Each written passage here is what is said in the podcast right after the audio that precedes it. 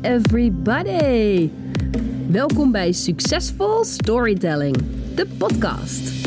Mijn naam is Yvette van den Berg. Ik wil je graag meenemen in de wereld van verhalen en alles wat ze voor je kunnen betekenen.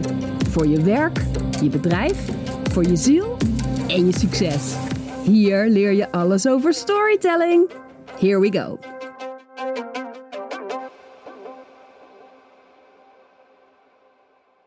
Ja, wat doe je als je soort bijstander bent in je verhaal? Wat gaat er mis? Je, ja, Ja. ja, je. Hè? Zodra je in de je gaat praten, vertel je geen verhaal. Bijna per definitie. Ik zeg bijna, omdat ik kan briljante verhalen maken die beginnen met een je, maar dan moet je exact weten waar je mee bezig bent. 99,9% van de gevallen, als je een verhaal aan het vertellen bent met je, dan ben je aan het uitleggen. Je bent informatie aan het geven, precies wat ik nu doe bij jullie. Als je een verhaal schrijft met je, dan geef je geen verhaal, maar dan geef je een uitleg. Dat heb ik net gedemonstreerd. Want wat wil je nooit doen in verhalen? Er zijn vier dingen. Daar kom ik met mijn rijtje van vier. Geleerd van Lisa Nichols. Grote eh, storyteller ook. Ik vind haar fantastisch. Ehm, er zijn vier dingen die je altijd wil vermijden. Die je altijd wil vermijden in je verhaal. Dat betekent dat je nu iets gaat leren, anders zei ik geen je. Nummer één. Zorg dat je niks zit te bewijzen. Zorg dat je niks zit te beschermen. Ja, maar wat nou als je eh, bijstander bent van iets dat je gebeurd is, maar ja, het gaat niet echt over jou, maar dat je wel dat verhaal wil vertellen. Wat doe je dan? Je, je, je, je, je, je. Nou, hier voelen wij met z'n allen aan. Vertel nou gewoon wat er gebeurd is. Pff, worden we een beetje nerveus van, hè, van dat geje. Wie niet? nou, ik kan prima hebben. Kan ook. Nee, je wordt daar een beetje nerveus. Je wordt daar een beetje nerveus van.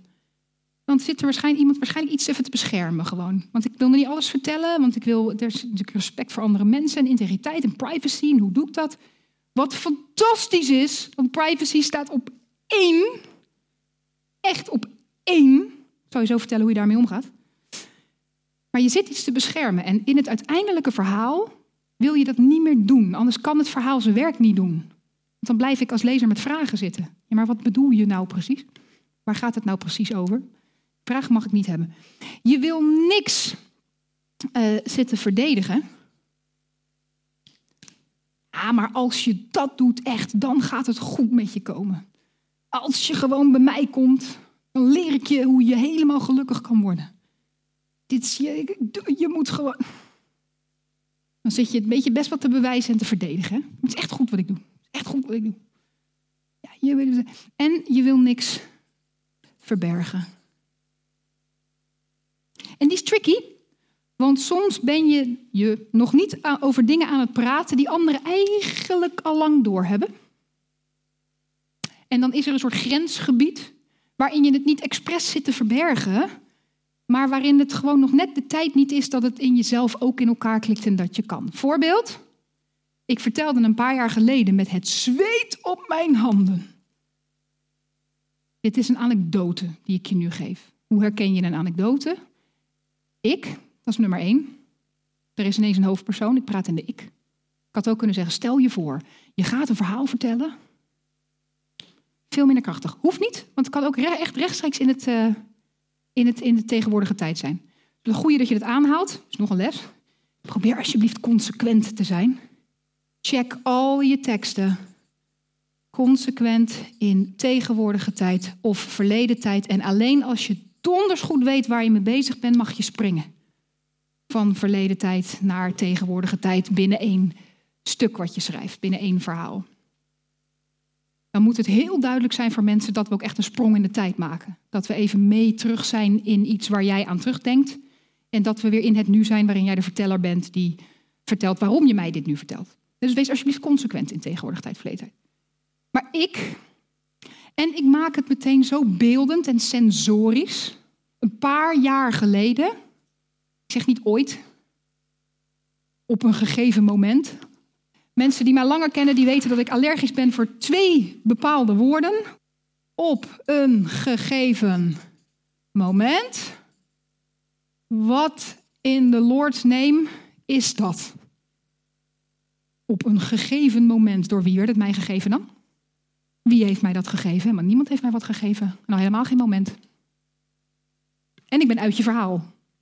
Op dit, dit is echt wat er gebeurt hè, in iemands hoofd. denk je, huh? maar echt op onbewust niveau in een split second gebeurt dat. Op een gegeven moment. Oh, was dat dan gisteren? Vorige week? Vorig jaar? Vorige maand? 30 Hoe oud is ze eigenlijk? Ja, weet ik niet hoe lang geleden zou het kunnen zijn. Ik ben uit je verhaal. Dit is nou echt een stukje zin dat iedereen rechtstreeks uit je verhaal haalt. Mensen die mijn brein uitleg daarachter kennen, die weten inmiddels dat dat komt omdat als we een verhaal gaan luisteren, zitten we in ons limbisch brein. Daar zit je gevoel. En als we daar uitschieten, gaan we terug naar de prefrontale cortex. Daar zit je taalcentrum en al je ratio. Daar gaan we nadenken. Heb je wel eens een presentatie gegeven waar je van prefrontale cortex tot prefrontale cortex iets stond te proberen uit te leggen? En dat iemand dat zat te ontvangen en zei: Ja, maar, ja, maar, ja, maar, ja, maar, ja, maar. En ik heb een vraag, ik heb een vraag, ik heb een vraag. Heb je dat wel eens meegemaakt? Dat is dodelijk vermoeiend. Right? En dan zeg je: Ja, ik wil mensen gewoon even op hun gevoel aanspreken. kunnen we? Dan moet je een verhaal vertellen.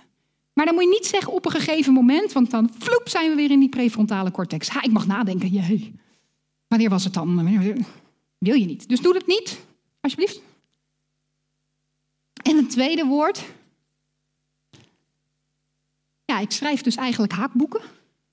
Waarmee ik mensen eigenlijk help om uh, ja, gewoon lekker een momentje voor zichzelf te kunnen haken. Wat is eigenlijk? Dus doe het nou wel of niet? En je moeders gaan opletten. Dit kan je nooit meer onhoren. Dit is nu, nu je het weet. Gaat het je opvallen hoeveel mensen vier, vijf, zes keer in een zin het woord eigenlijk gebruiken?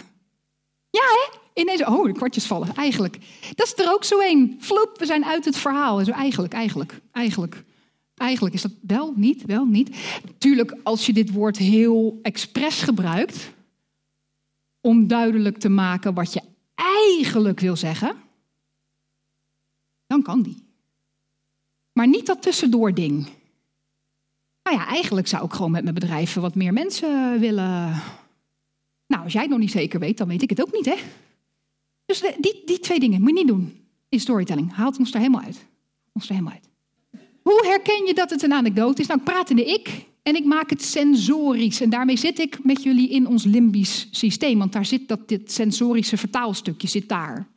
Dus ik zei, een paar jaar geleden, niet op een gegeven moment, een paar jaar geleden, dat kan ik gewoon voor me zien. Dan hoef ik dus niet te gaan nadenken, kan ik in mijn verhaalbrein blijven. Met, heb ik met zweethandjes een verhaal verteld. Nou, iedereen kent het gevoel van zweethandjes. En dus zit je meteen flonk in een verhaalbrein. En dan kan je anekdote zo kort zijn. Als dat het was, heb je mensen weer even gewoon geactiveerd op dat gevoel. Ik noem dat de anekdotische kwaliteit van een verhaal. Maak het persoonlijk in de vorm van anekdotes. Ja, dat vinden mensen leuk. Als je zegt, voorbeeld. Een paar jaar geleden heb ik met zweethandjes een verhaal verteld waarin ik zei, nou, ik zal het dan maar eerlijk zeggen. De laatste keer dat ik in Schotland was, heb ik, heb ik, heb ik elfen gezien. En wat zei iedereen? Leuk, wauw, hè hè. Eindelijk zegt ze het gewoon. Het is voor ons niet nieuw even, dat snappen wij toch al lang. Hè? Oh, echt, dus verbergen. Je zit niet, soms zit je, ik zat dat niet expres te verbergen. Dat ik dacht, ik ga dat verbergen, ik ga dat niet zeggen, ik ga dat. Maar het was gewoon nog niet in mijzelf zo ver geklikt dat ik dacht, ik kan er nu iets mee in het vertellen. Ik kon er ook nog niet zoveel mee in het vertellen, vandaar de zweethandjes. Maar ik deed wel, want zodra ik me bewust word van, ja, als ik dit nu niet vertel, dan wordt het echt actief verbergen. Want het is wel momenteel deel van mijn leven en volgens mij vind ik het leuk. Het is ook best wel een voorwaarde, hè? Die check kan je doen. Zit ik dit nou te verbergen? Ja, weet ik niet. Vind ik het echt leuk? Zou ik het echt leuk vinden als ik het gewoon kon vertellen en zo? Als het antwoord ja is, gaan. Als je zegt, nou nee, ik word er eigenlijk zelf ook niet zo heel blij van. Dan doe je het niet, hè? Dat is, sommige mensen denken nog dat dat kwetsbaar is. Ja, maar ik moet die moeilijke dingen ook vertellen. Zie je wat er gebeurt? Front, ik noem dit de front. Ik moet dat wel vertellen. Ja, maar ik durf niet. En, en dadelijk is het eh, too much en raak ik mensen kwijt. Nee, zeggen sommige mensen dan. Dus je moet gewoon zeggen, maakt me niet uit wat iedereen denkt. Ik doe het gewoon. Met zo'n gezicht. Dat is niet kwetsbaar, hè? dat is een oorlogshouding. Ja, dat is een schild en een, en een speer. En zeggen, zo, kan me niet schelen hoe jij erbij zit. Ik ben er klaar voor. Dat gaat niet landen, hebben mensen.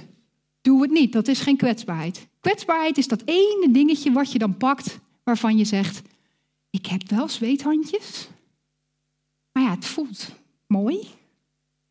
En let op, heel maar kan ook mooi zijn, hè? Denk Harry Potter. Denk Harry Potter, daar gebeuren af en toe echt verschrikkelijke dingen, met name aan het eind. Dat echt denken, nee. Maar het is wel mooi. Toch? Het is wel mooi.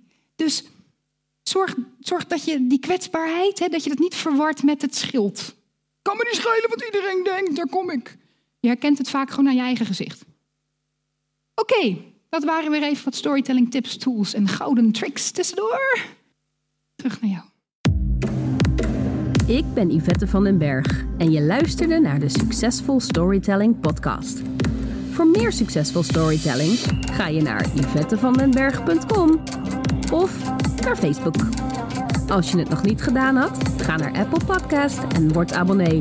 Geef een waardering en recensie aan deze podcast. Tot de volgende aflevering met meer succesvol storytelling. Thanks for listening.